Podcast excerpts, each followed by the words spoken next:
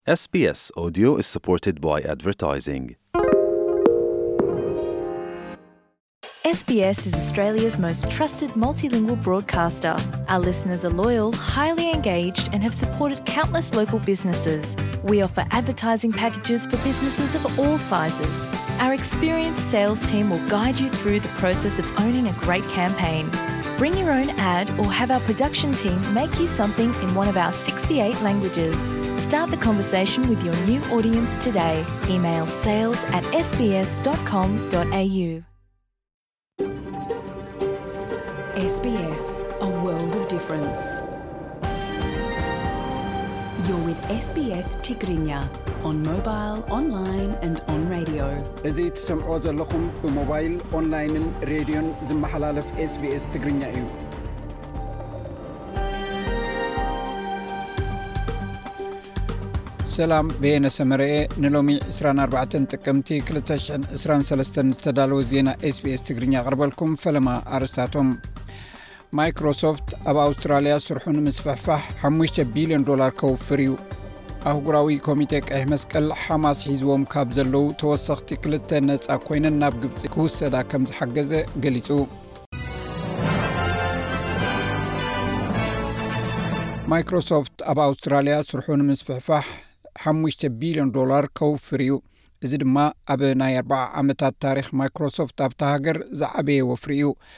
ኣብቲ ቀዳማይ ሚኒስትር ኣንቶኒ 24 ጥቅምቲ ናብ ሕቡራት መንግስታት ኣሜሪካ ምስ ከደ ዝሃቦ ናይ ፈለማ ቀንዲ ምልክታ እቲ ናይ ቴክኖሎጂ ኢንዳስትሪ ዓርሞሽሽ ትካል ኣብ ዝቅፅል ክልተ ዓመታት ሰብ ዝሰርሖ ብልሕን ናይ ደበና ኮምፒቲንግ ነቲ ወፍሪ ክጥቀመሉ መደብ ኣውጺኡ ኣሎ። ኣህጉራዊ ኮሚቴ ቀይሕ መስቀል ሓማስ ሒዝዎም ካብ ዘለዉ ተወሰኽቲ ክልተ ናብ ግብፂ ክውሰዱ ከም ዝሓገዘ ገሊፁ። ሮይተርስ ንምንጭታት ሓማስ ብምጥቃስ ከም ዝሓበሮ ክልተ ብዕድመ ዝደፍኣ ደቂ ኣንስትዮ ብሰብኣዊ ምኽንያታት ብሽምግልና ግብፅን ቀጠርን ሶኒ 24 ጥቅምቲ ነፃ ወፂኤን ኣለዋ። እቲ ብሓማስ ኑሪት ይስሓቅ ከምኡውን ዩቸቨድ ሌፍሺዝ ዝተሰምያ ጅሆ ተታሒዘን ዝጸንሓ ምስቶም ኣብ ዝሓለፈ ዓርቢ ዕስራ ጥቅምቲ ዝተለቁ ሳልሳይን ራብዓይን ካብ ጋዛ ዝተለቃ እሱራት እየን።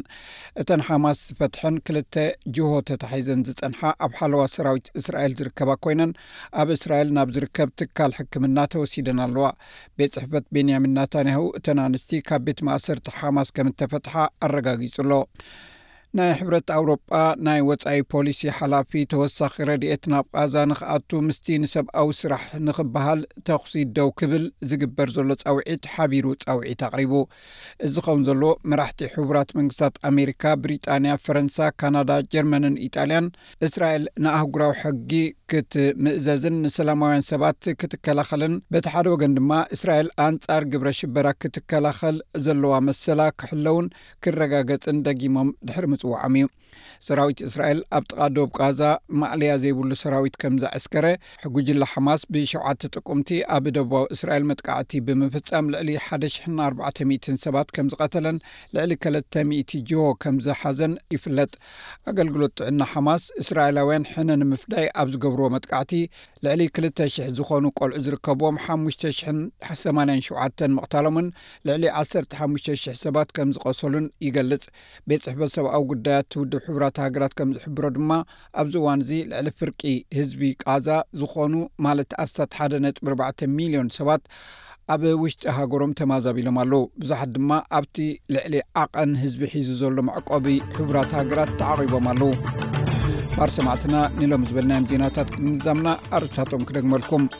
ማይክሮሶፍት ኣብ ኣውስትራልያ ስርሑ ንምስፍሕፋሕ 5 ቢልዮን ዶላር ከውፍር እዩ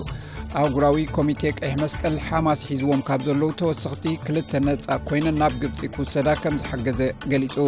እዚ ሬድዮ ስቤስ ብቋንቋ ትግርኛ ዝፍኖ መደብ እዩ